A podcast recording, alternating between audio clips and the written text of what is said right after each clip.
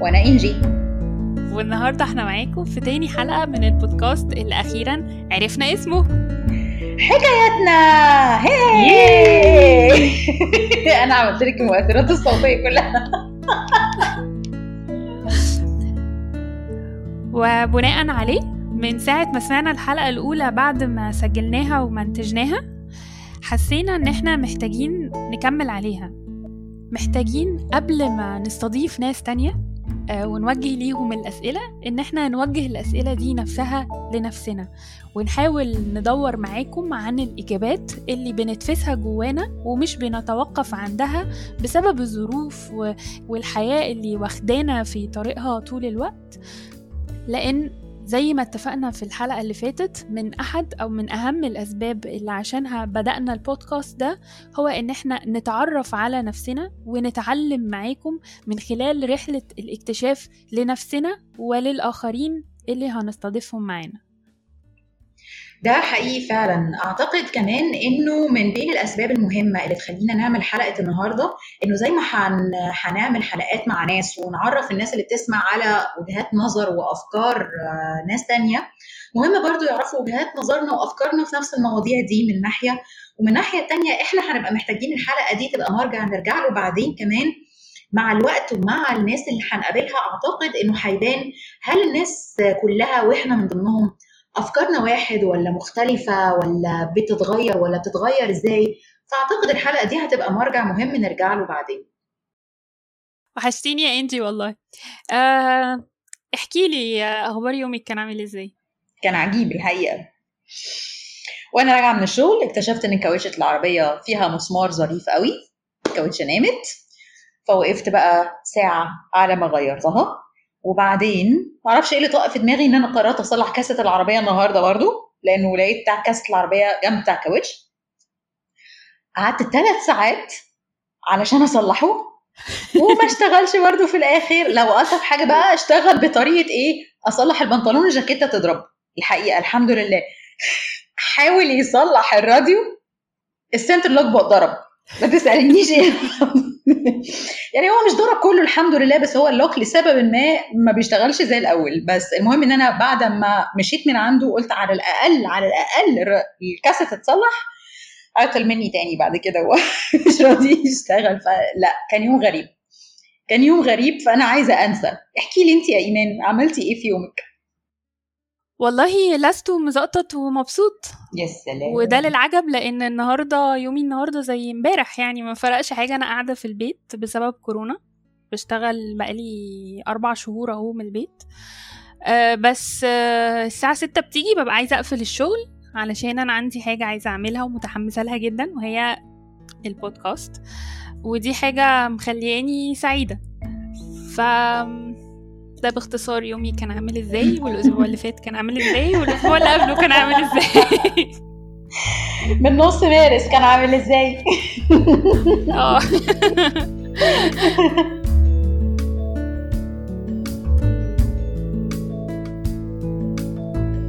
طيب بصي بقى خلينا نبدأ المرة دي الحلقة هوب هوب وهسألك هو إيه اللي بيدي قيمة لحياتك؟ آه. ده موضوع مهم جدا. ده موضوع مهم جدا. وكل ما أفكر فيه بقف فيه. لا لا ما إحنا لازم بقى إيه نفتح كل الحاجات. افتح ملفاتك القديمة. طلع السيديات ونسيفها كلها. بالنسبة لي أنا شخصيا الحاجة اللي شايفة إنها ممكن تدي حياتي قيمة هي إن أنا أفرق مع حد أو أساعد حد.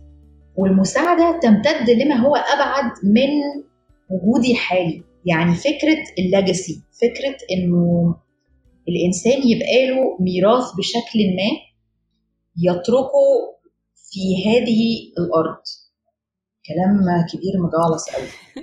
بس يعني فكرة إنه أنا مش موجودة هنا علشان مدة وجودي في الحياة تخلص فينتهي الأمر. حاسة إن أنا وجودي في الدنيا دي قيمتي في الدنيا دي اللي بيدي قيمة للحياة إن أنا يكون ليا بصمة بشكل ما. والبصمة دي مش بالضرورة يكون معناها إن أنا عملت عمل عظيم. لا البصمة دي ممكن تكون بإنه حد عنده أولاد فقدر يربيهم كويس خرج ناس تشرف. وغالبا لما الناس بتتكلم عن إنها تسيب legacy تسيب ميراث بيكلموا عن أولادهم فقط. بس هي الفكرة إن فكرة الميراث دي فكرة البصمة اوسع بكتير من فكرة إن أنا بسيب آه، أطفال. هي فكرة إن أنا بعمل حاجة بتعلم في حياة حد سواء من خلال أولاد أنا ربيتهم business أنا عملته واستمر بعديا. آه، خدمة عملتها لحد وبسبب الخدمة دي أثر في حد فأثر في حد فأثر في حد.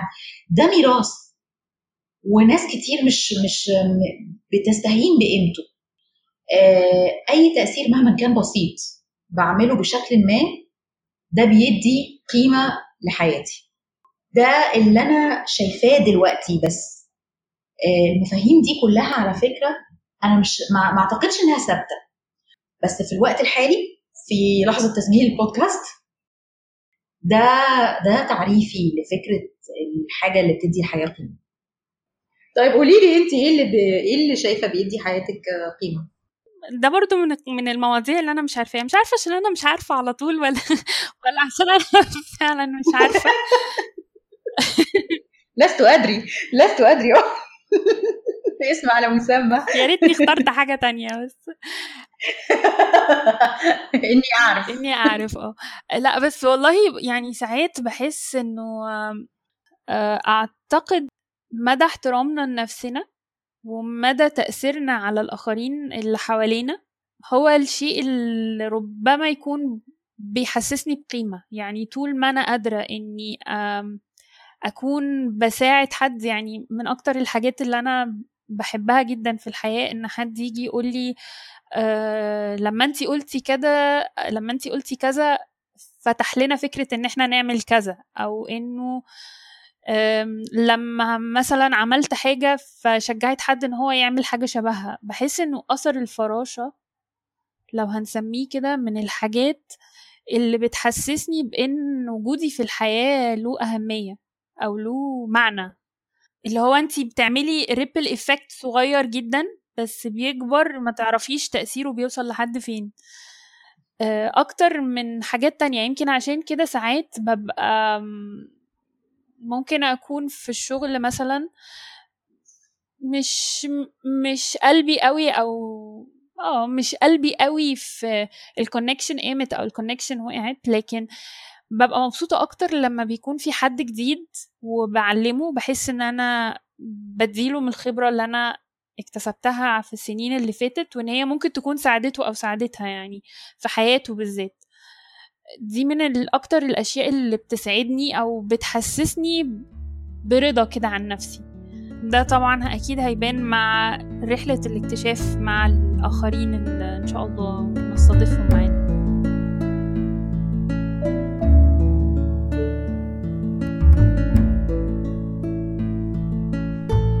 طب أنا عايز أسألك على حاجة. احكي لي احكي لي انت الإحباط. دي حاجة من الحاجات اللي بفكر فيها برضو كتير. الإحباطات اللي بتواجهنا بتتعاملي معاها إزاي؟ ودي من الحاجات على فكرة اللي أنا عندي فضول شديد أعرف الناس اللي هنتكلم معاها بعد كده بيتعاملوا معاها إزاي برضو. لأنه الناس الناجحة دايما بتبان لنا كده حلوة وزي الفل والحياة عندها زي الفل بيقع وبيحصل بيلاقوا عقبات وبعدين بيقوموا تاني. ياي! الحياة زي الفل. هي عمرها ما بتبقى زي الفل. فإزاي حد يتعامل مع الإحباط؟ قولي انت بتتعاملي معاه إزاي؟ امم آه والله بصي. السؤال ده ينقسم لشقين. في الواقع. نبتدي بقى. whiteboard آه وايت بورد واكتب الشقين. تخيلوا معايا. سبورة. ورقة وقلم يا الكل. يعني أنا بصي أنا مش متأكدة بصراحة من رؤيتي عن نفسي في النقطة دي صح ولا غلط. بس أنا ساعات بحس إنه لما بيكون في حاجة يعني مضايقاني إني بغوص في المضايقة دي كتير يعني بغوص فيها للقاع. أنا مش عارفة بغوص فيها للقاع علشان أنا كيمياء نفسي كده ولا عشان أنا مقتنعة إنه لما يكون في حاجة آه، حلوة أنت لازم تعيشها للآخر وحاجة وحشة أنت لازم برضو تعيشها للآخر علشان اللي بيحدد حياتنا كبني آدمين في الأرض هو مدى إحنا مدى المشاعر والتجارب اللي إحنا عشناها ولأي مدى إحنا عشناها بشكل حقيقي. فأنا ببقى مش عارفة هو أنا هو أنا فين بالظبط. بس أنا فاكرة ب... يعني فاكرة كان في فترة في حياتي كانت محبطة جدا جدا. يعني كانت فترة مكتئبة أو كئيبة جدا. اللي خرجني منها إن أنا بديت أرسم. وأنا قصتي مع الرسم مضحكة شوية يعني مثلا جدي أصلا رسام. فوأنا صغيرة بقى كان كل تطلعات أو توقعات الآخرين عني إن أنا بقى البنت الفظيعة بقى اللي بترسم الجميلة اللي لوحها بتروح المعارض وكده. بس أنا actually ما كنتش حاسة بده خالص. يعني أنا ما كنتش حاسة إن أنا بعمل حاجة حلوة أو تستاهل وحاسة دايما إن أنا هما أنتوا شايفين إيه الحلو في ده؟ يعني ده دايما الإحساس اللي واصل لي. ممكن تقولي إيه؟ impostor syndrome ودي مشكلة مستمرة معايا بقى طول خط حياتي يعني كامل. واللي حصل إنه معرفش ليه فجأة وقفت أرسم خالص. بتاع 15 سنة كده مش بمسك قلم أصلا.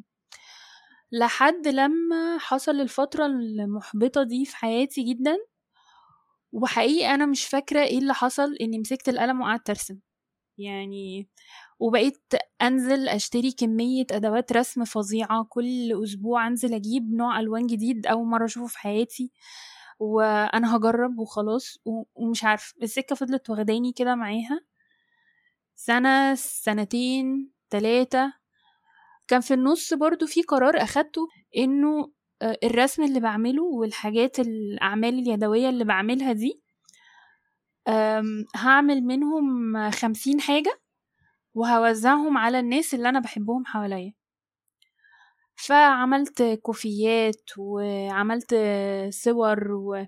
وعملت حاجات بالورق كتير وبقيت أديها لحد أنا بحبه نظرت يعني لما كنت بشوف بقى على وشهم امتنان أحيانا يعني أو سعادة أنا كنت بنبسط وكمان لما كنت حتى لو مش هديها لحد بس حاجة أعملها وتعجبني. يعني حاجة أحس إن أنا عملتها وحلوة. أنا مبسوطة منها. فيها جزء مني. يعني أنا باينة في الحاجة دي. كنت بحس شوية بشوية إن أنا برجع أنبسط تاني. بس كانت رحلة بصراحة كانت رحلة طويلة وما كانتش سهلة خالص لأنه كان في أيام أنا كنت فعلا متضايقة جدا بس بفضل قاعدة وبرسم. ومش عارفة أنا برسم ليه ومش عارفة أنا برسم إيه أصلا. يعني أنا حتى اللي حد شايف رسمي فهو تراكيب ألوان كده مع بعض وخلاص في شكل طفولي جدا. والشيء الغريب أنا كنت طول حياتي فاكرة إن أنا ما بفهمش في الألوان. أنا ما بعرفش أرسم غير أبيض وأسود بس. وفي الفترة دي بالذات اللي هو أنا داخلة فيها بقى بعمق الاكتئاب اللي أنا فيه ده كل اللوحات بتطلع ملونة جدا. بالنسبة لي ده كان مفاجأة كبيرة قوي ولا زالت مفاجأة بالنسبة لي إن حد في نص اكتئاب ومرحلة انحدار فظيعة يبقى جواه كل البهجة والألوان دي. يعني في مرة فيهم أنا كنت اكتلي يعني طالعة من العمليات. يعني طلع يعني امبارح أنا كنت في العمليات النهاردة بقى في البيت. ومش النهاردة هو كان بعدها بيومين لما ما فقت من البنج. وقاعدة على المكتب وعمالة ألون. Was total surprise بالنسبة لي. ما يمكن عشان ده المهرب اللي كنت بتهربي له الألوان اللي مش عارفة تلاقيها في الحياة حواليكي بتحطيها انت على ورق. احتمال. احتمال كبير. أو يمكن هقولك حاجة. فاكرة في الحلقة اللي فاتت لما قلتلك أحيانا الإحباط بيكون مش حقيقي؟ مم. يعني جاي على بالي دلوقتي إن هو ممكن يكون إحنا جوانا دايما حتة كده بتحب الحياة دايما وبتبقى عايزة تطلع. يعني هو حتى وإنتي في حالتك الشديدة من الاكتئاب بس إنتي ستيل في حاجة جواكي صوت كده صغير عايز يحارب الإحساس ده. يعني مش مبسوط. فيمكن هو كان ده الصوت نفسه اللي بيطلع في الحاجات المبهجة الجميلة يفكرني إنه لأ على فكرة انت جواكي حاجات كتيرة انت بتحبيها وبتعرفي تعمليها والناس بتحبها ف يعني ما تستسلميش يعني. ده اللي أنا كنت حاساه بصراحة وممتنة جدا. يعني افتكرت المقولة بتاعت رومي اللي هي بتقول إن إحنا بنفضل دايما نبقى كراكت أو دايما بيحصل شروخ في روحنا علشان النور يدخل. يعني المقولة بتقول كده باختصار. فأنا حسيت قوي يعني أنا ماليش في رومي والصوفية والكلام ده قوي يعني بس بس لما قريت المقولة دي بالذات حسيت إن نورت كده في دماغي. في في حاجة في حاجة كليكت جوايا في النقطة دي. وجهة نظر جميلة جدا ومتفائلة قوي. أشكرك عليها الحقيقة لأنه والله يعني أول مرة أفكر فيها بالمنظور ده. ولما تفكري فيها كده فعلا باستثناء حالات الاكتئاب المرضي قد تكون دي واحدة من آليات البقاء على قيد الحياة اللي ربنا حطها فينا. آه آلية طبيعية تخلينا نقوم الصبح من السرير رغم كل الإحباطات اللي بتواجهنا بشكل ما. في حاجة من جوانا بتفضل تزق كده وتقول قوم قوم قوم قوم. سواء بقى تقوم عشان ترسم أو تقوم عشان تعمل حاجة تاخد خطوة تخرج من اللي أنت فيه بخطوة فعلية أو بإنك تمارس هواية أو بأي حاجة. It makes sense. طب إيه تعريف النجاح بالنسبة لك؟ زنقتك ها؟ زنقتك. ما كانش السؤال ده في المنهج. سؤال خارج المنهج. ما اتفقناش على كده يا إنجي. إحنا قدام جمهور برضه. جمهورنا لازم نبقى صرحاء معاه بصي بصراحة هو أنا بقى واضح ليا دلوقتي إن أنا عندي مشكلة مع إني أحط معاني واضحة أو definitions للمصطلحات. فدايما عندي في فكرة كده هلامية في السحابة عن كل مصطلح لكن إني أحطه في كلمات شيء صعب آه وبالتالي تقييمه كمان صعب. فيمكن من الحاجات اللي أنا محتاجة إني أركز عليها الفترة الجاية إني أحاول أحط كل معنى في البوكس بتاعه واحد اتنين تلاتة علشان على أساسه أقدر أقيم. ناجحة ولا لأ؟ حياتي شايفة ليها قيمة ولا لأ؟ إيه الهدف اللي أنا محتاجة أحطه قدامي؟ إيه معنى حياتي؟ فلو جينا لسؤالك عن النجاح حقيقي ما عنديش فكرة يعني إيه يعني إزاي أعرف نفسي إذا كنت ناجحة ولا لأ؟ يعني احتمال احتمال برؤية الآخرين إنه ساعات حتى لما الناس بتحكي لي حاجة عني أنا ببقى مصدومة. يمكن بنفس فكرة ال impostor syndrome اللي كنت لسه بقولها من حبة اللي هو هو أنتوا إزاي شايفيني كده يا جماعة؟ أنا مش شايف كده أصلا. فمش مش عارفة بصراحة يعني ما ب... انتي بقى انتي. احكي لي احكي لي. لا مش أنا اللي ابقى تحت الميكروسكوب. وبعدين كده في سؤالين. على المسرح. سؤالين ليه؟ إيه ده؟ فين؟ فين ده؟ بتجابهي إحباطك إزاي؟ وبتعرفي النجاح إزاي؟ ما بجابهوش. ما comfort food بجابه الإحباط بال comfort food لا إزاي وال وال gratitude journaling اللي بتعمليه؟ طيب خليني أقول لك حاجة. خليني أرد على السؤال الثاني الأول لأنه أعتقد ده الإجابة البسيطة. على الأقل بالنسبة لي هي إزاي بعرف النجاح في الوقت ده من حياتي؟ إنجي دلوقتي بتكلم إنجي كمان عشر سنين لا كمان خمس سنين كمان سنتين وبتقول لها إنه تعريف النجاح بالنسبة لي دلوقتي هو إن أنا أبقى راضية عن نفسي. آه لو أنا حاسة إني راضية عن نفسي مش راضية عن نفسي الرضا الغرور إنما راضية عن نفسي بمعنى راضية عن المسار لحياتي واخداه راضية عن إن أنا الحاجات اللي بأديها في الحياة أعتقد إن ده كده معناه إن أنا نجحت. النجاح هو إن أنا أعيش طبقا لقيمي اللي أنا مؤمنة بيها. كلام سهل بس تطبيقه مش بالسهولة دي. آه عند ناس كتيرة وأنا منهم هيبقى تعريف النجاح برضو رؤية الأهل بالمناسبة. بتدخل في المعيار ده جامد جامد وبتحدد مسار كبير من الرضا عن عن النفس. بس دي قصة كبيرة قوي بقى لو فتحنا فيها مش هنخلص يعني. آه إزاي بواجه الإحباط؟ إزاي بواجه الإحباط بقى؟ لحد وقت قريب فعلا ما كنتش بواجهه للأسف. كنت ب... ب... بنغلق على نفسي وبقفل كل حاجة. دلوقتي بسيبها تاخد نفسها يعني تاخد دورتها وتروح. اتعلمت خلال السنين اللي فاتت إن في حاجات كده ملهاش حل غير إن أنا أسيبها تعدي. واحد منها الإحباط أو بعض أنواع الإحباط. بالذات لو إحباط من حاجة ما عادش ليا سيطرة عليها. خلاص ما عادش ليا سيطرة عليها. I try to let go ودي حاجة صعبة وما اتعلمتش أعملها لحد دلوقتي 100% صح بس بحاول لأنه بحاول أتعلم الفرق بين الحاجة اللي ليا سيطرة عليها والحاجة اللي ماليش سيطرة عليها. اللي ليا سيطرة عليه بقاوح فيه بقى. يعني برضو دي من حاجات مكتسبات السنين اللي فاتت بخبط دماغي في الحيط عشان أحاول احله بشكل ما يعني. برضو مش دايما بنجح بس بحاول. اللي ماليش سيطرة عليه مشكلته إن هو بيهدني جامد. جامد. ال gratitude journaling من الحاجات اللي ساعدتني بس تأثير ال gratitude journal بيبان على المدى الأطول. ال gratitude journal لو حد ما يعرفش يعني إن أنا أك... اللي هو الامتنان إن أنا كل يوم أكتب الحاجة اللي أنا ممتنة ليها الحاجة النعمة اللي بحمد ربنا عليها. بالنسبة لي أنا ال gratitude journaling هي مش بس مجرد الامتنان أو الحمد إنما بكتب بقى كل الحاجات اللطيفة الحلوة اللي عدت في يومي. لاحظت من فترة إنه مهما كان اليوم وحش ودمه تقيل في الآخر دايما بيبقى في حاجة بتخليكي تبتسمي. ولو الحاجة دي قطة عدت قدامي في الشارع وهي صغننة كده وحلوة بالنسبة لحد بيحب القطط زي يعني. مهووس قطط. فالمهم يعني gratitude بحاول إن أنا أشوف الحلو في كل حاجة. والفترة من الزمن على فكرة لما بدأت كنت حاسة إن أنا منافقة جدا.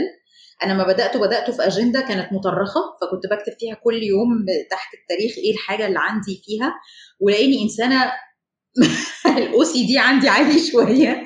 لازم ألاقي الحاجة يعني طالما بدأت أكتب لازم ألاقي كل الخانات مكتوب فيها. يعني خانه فاضية دي هتوجعني. فكنت بكتب كل يوم رغم إن أنا ما كنتش حاسة بتأثيرها قوي.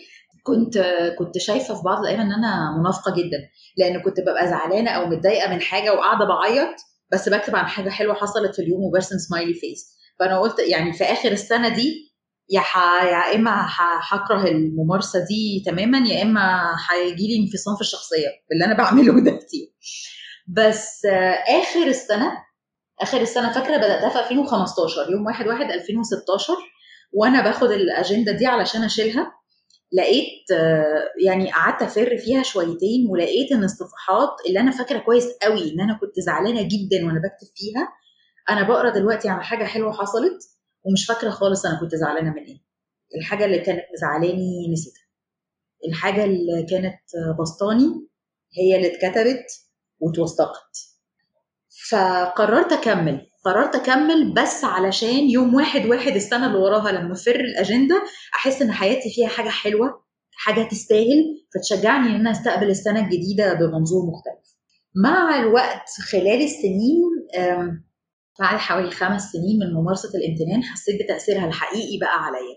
السنة اللي فاتت كانت واحدة من أصعب السنين اللي عدت عليا حقيقة. 2019 خسرت فيها ناس عزيزة عليا وحاجات عزيزة عليا. كانت سنة الخسارة بامتياز لكن برضو كانت هي السنة اللي اتعلمت فيها إزاي أبتدي تو ليت جو أبتدي أتخلى عن الحاجات اللي ما عنديش ماليش فيها سيطرة. وفي عز ما كنت حزينة على الناس اللي خسرتها. خسرتها خسرتها يعني بنتكلم على وفاة يعني. الخسارة اللي ما فيش بعدها رجعة. بس لقيت نفسي في الآخر بقول الحمد لله لأنه بفكر في مش هقول لك الجانب الحلو من الموضوع ما فيش جانب حلو في الموضوع بس من جوه بقت فهمت يعني إيه قيمة إن حد لما يصاب بالإحباط لما يصاب بمصاب كبير يقول كلمة الحمد لله وهي طالعة من جواه. لأنه الواحد لما بيمارس الامتنان لفترة طويلة بيحس فعلا إزاي إنه الحمد لله أنا عندي نعم كتير وأنا مش متخيلها. في عز فترة ما كنت مفتقدة الناس دي في عز ما كنت بفكر قد إيه الحمد لله إن ربنا اداني دايرة من الأهل والأصحاب كانوا سند ليا في مرحلة صعبة قوي شالوني في مرحلة صعبة قوي فلقيت إن أنا أنا بعيط ومتأثرة وزعلانة بس بقول الحمد لله من قلبي. صحيح ما كنتش في يوميها يمكن مش قادرة أكتب الكلام ده في الأجندة بس كنت فاكراه لدرجة إن أنا كتبته على ستيكي نوت قلت أنا أنا أنا فعلا مش قادرة أنا مش قادرة أكتب في الامتنان في يوم بالمنظر ده. قعدت ثلاث أيام مش قادرة أكتب فيها. بس بفكر نفسي بالفكرة دي بقول أنا في يوم لما الحزن يخف لأن كل حاجة بتخف مع الوقت. كل الحزن مهما كان مع الوقت بيخف. هرجع وهكتب الكلام ده. وفي آخر السنة فعلا رجعت وكتبت الكلام ده في, في الأيام الثلاثه اللي كانوا المتسابين فاضيين. فال gratitude بيساعد فعلا في التعامل مع الإحباط بس هو بالنسبة لي كان ليه تأثير تاني أبعد. ما شفتوش غير بعد ما عملت الممارسة دي على مدى سنين طويلة. آه غير كده مش ال gratitude في يومها لا مش بيطلعني من الإحباط. هو هو علمني أشوف الحاجة بمنظور مختلف شوية فبقيت حتى وأنا محبطة ببص لإنه آه هطلع منها في الآخر هطلع منها بس لازم أدي نفسي فرصة اعديها افضل قاعدة في السرير شوية مكتئبة ومتضايقة. و comfort food comfort food كتير MBC 2 كتير مش نتفليكس رفضت أشترك فيه عشان ما يجيليش إدمان. بس بس مرحلة وهتعدي. بسيب الاحباط يعدي و... و...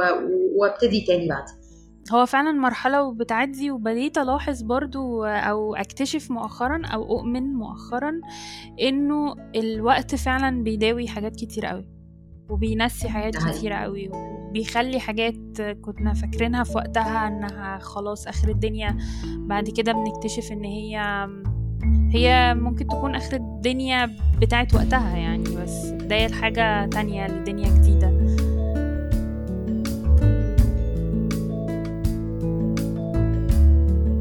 طب إيه ده؟ لا إحنا عايزين نفرفشك كده ون كده زغزغك اوعي تكوني بتدوري في أسئلة تسأليها لي أنا بحذرك. كفاية قوي كده. هندخل بقى على ال picks بقى. ندخل على ال picks. طب انجي بما ان هي عادة إحنا الاثنين قررنا نعملها في الحلقات الجاية من هنا ورايح ف ربنا ما يطلع لنا عادة. احكي لي بقى كده عن بيك جاي في دماغك أو حاجة جاية في دماغك دلوقتي كانت سبب في إلهامك أو إن هي تجيب لك فكرة جديدة حلوة من قريب؟ يعني حاجة كده نشاركها مع الناس كده كده تفرفشنا و... آه، تفرفشنا مش متأكدة. لكن تلهمنا يا ستي حاضر آه تلهمنا لأن الإلهام ده من الحاجات المهمة وتدعو للتفكير العميق. طيب أنا وأنا بفضي بفضي ملفاتي القديمة لقيت مقال كان نازل على موقع منشور من 2018 كان بيتكلم عن نظام التعليم الفنلندي. قعدت قريت المقال ده تاني وانبهرت بيه تاني نفس انبهاري من المرة الأولى. هو بيتكلم إزاي إن نظام التعليم الفنلندي قائم على إنه مفيش فكرة المدارس اللي عندها سيستم موحد لكل الناس المنهج أهو دبوا ذاكروا في الآخر هنمتحن خلاص. ما بيعترفوش بحتة الامتحانات دي. الأستاذ أو المدرس ما بيدرسش لصف يعني سنة واحدة وخلاص وخمسة ابتدائي فيفضل يدرس لخمسة ابتدائي بقية عمره لا هو بيطلع مع التلاميذ بتوعه إلى أقصى درجة ممكنة كل السنين علشان بيبقى عارفهم بشكل شخصي عارف كل واحد إيه الحاجات اللي هو قوي فيها إيه الحاجات اللي هو ضعيف فيها إزاي يشتغل معاهم قادر يطوع طريقته في التدريس حسب الطلبة بتوعه. فده خرج ناس مش داخلين مش متشكلين في قوالب أو عندهم مقاومات أعلى من القالب ده أو أقل من القالب ده ومصرين إن هم يحشروهم في القالب برضو. دي كانت فكرة بالنسبة لي مثيرة للاهتمام جدا مش كنظام تعليم في حد ذاته لأنه إحنا صعب أقول يلا نطبق نظام تعليم الفنلندي في مصر. تخيلي تخيلي. بس فكرة إزاي إن الواحد يحترم الفروق الفردية بين الناس؟ إحنا دايما نفكر في إنه مثلا بره هما بيحترموا الفروق الفردية بين الناس الفردية دي حاجة مهمة قوي بس الفر... يعني احترام الفروق الفردية غير الحياة غير الفردية في حد ذاتها.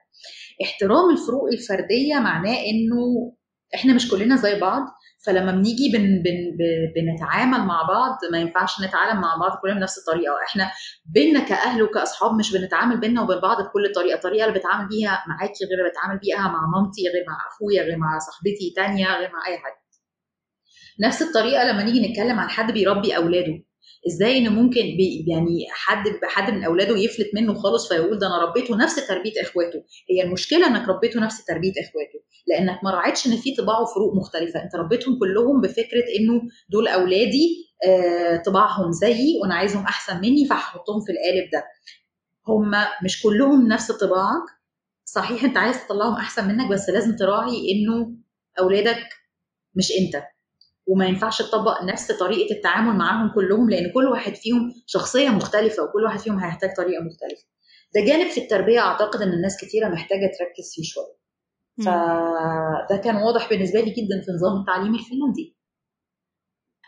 أنا بالنسبة لي بقى في رحلة البحث اللي عمالة ماشية فيها دي للحاجات اللي أنا كانت بالنسبة لي ملهمة السنين اللي فاتت والقرايات في الحاجات اللي كنت بكتبها إلخ أخدت قرار إن أنا أعيد كده أتفرج على لستة الأفلام اللي كنت يعني إيه بحبها. ففي واحد فيهم لسه متفرجة عليه من قريب تاني يعني كنت شفته من زمان بس المرة دي حسيت إنه لأ ليه معنى تاني. يعني حسيته بشكل مختلف. اسمه liberal arts. هو فيلم experimental كده فيعني محدش يبقى عنده توقعات عالية منه.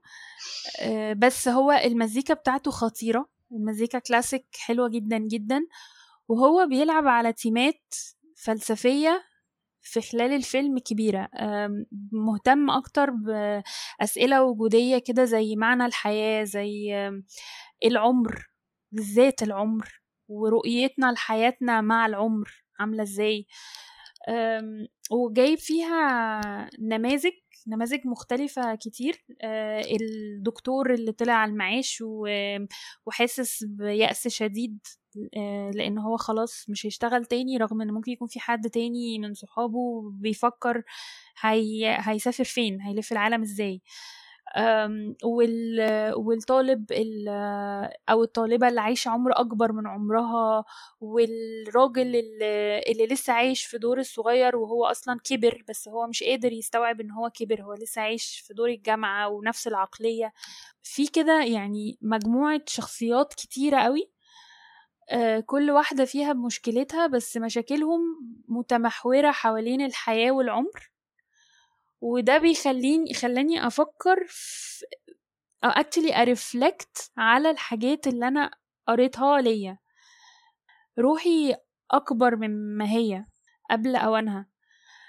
حسيتها قوي في الحاجات اللي أنا كنت كاتباها وبديت أدركها مع الرؤية الجديدة للفيلم دلوقتي تاني بعد هو نزل أصلا 2012 فدلوقتي بنتكلم في أكتر من حوالي 8 سنين من ساعة ما شفته أول مرة. فحس يعني حاسة إنه ممكن في ناس هت relate للفيلم لو اتفرجت عليه بس again no expectation مش تايتانيك يعني. لا لا لا لا. ما فيهوش مش فيلم سينمائي يعني. هو فيلم فلسفي شوية. لكن يستاهل فعلا. الاسئله اللي اثرها خلتني أفكر.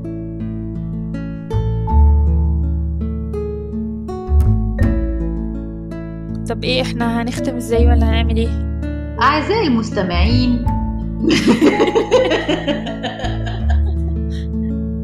انجي أنا استمتعت بالحوار. وأنا كمان. المرة الجاية بقى ننطلق؟ مع ضيوف نعرف بقى رأيهم في كل الكلام اللي قلناه النهارده. وانتوا كمان لو عندكم حاجة عايزين تشاركونا بيها أو لو عندكم حد عايزين ترشحوه شايفينه شخصية تستاهل الدعبسة ابعتوا لنا على إيميل البودكاست وهنستضيفهم معانا. تصبحوا على خير. تصبحوا على خير. bye bye, bye, bye.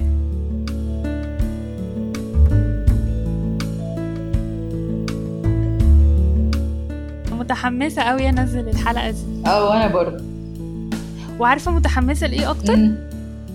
متحمسة إن أنا أسمعها بعد خمس سنين. أنا مش عارفة أتحمس ولا خايف.